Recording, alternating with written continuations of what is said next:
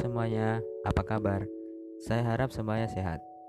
Kembali lagi dengan renungan mingguan UKMK Albertus Magnus edisi Senin 30 Mei 2022. Bacaan renungan kali ini diambil dari Yohanes 16 ayat 29 sampai 33. Buat yang ingin ikut membaca, saya ulangi, bacaan diambil dari Yohanes 16 ayat 29 sampai 33. Buat yang telah menemukan, katakan amin. Mari kita baca bersama-sama. Kata murid-muridnya, "Lihat, sekarang kau terus terang berkata-kata, dan engkau tidak memakai kiasan.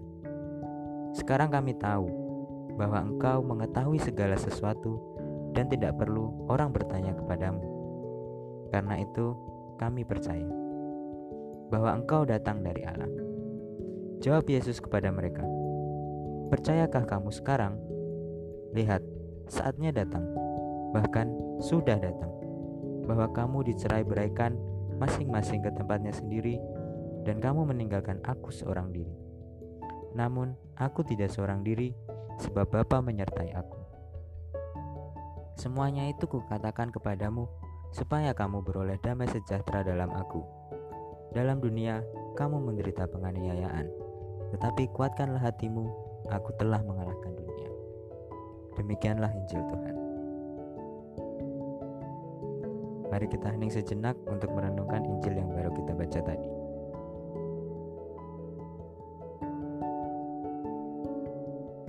Ada banyak kesulitan dan penderitaan yang menghadang hidup kita, apalagi di masa pandemi COVID-19 ini. Banyak orang kehilangan pekerjaan, bangkrut, bahkan kehilangan orang yang dicintai akibat virus yang mematikan ini. Kita semua diliputi oleh rasa takut, bahkan bisa jadi iman kita sampai goyah karena merasa Tuhan sudah menjauh dan meninggalkan kita. Namun, Yesus hari ini berkata kepada kita, "Dalam dunia kamu menderita penganiayaan, tetapi kuatkanlah hatimu, aku telah mengalahkan dunia." Kita diharapkan menguatkan hati Hendaknya hati kita teguh berpegang pada Yesus. Jangan sampai menjadi keras dan menyolok penyelamatan darinya. Kuatkan hati kita agar tidak berpaling kepada hal-hal duniawi. Hendaknya hati kita teguh untuk menjadi saksinya di dunia ini. Kita bisa belajar dari Paulus yang dipakai Tuhan menjadi alatnya. Ia membawa sesama untuk ikut masuk dalam keselamatan melalui pembaptisan dalam nama Tuhan Yesus. Seperti Paulus, kita juga diajak untuk semakin berbagi kasih dan saling bahu-membahu di tengah berbagai kesulitan di dunia ini.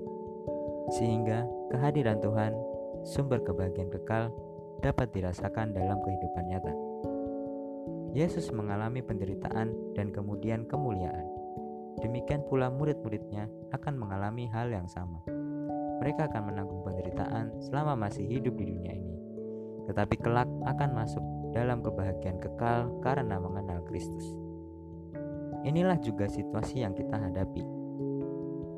Semoga renungan hari ini meneguhkan kembali semangat kita dalam beriman, sehingga pada saat mengalami penganiayaan, godaan, dan kesulitan, kita tidak meninggalkan iman, tetapi tetap setia karena Kristus selalu menguatkan dan menyertai kita. Terima kasih untuk yang setia mendengarkan. Sampai jumpa di renungan mingguan selanjutnya. See ya. thank you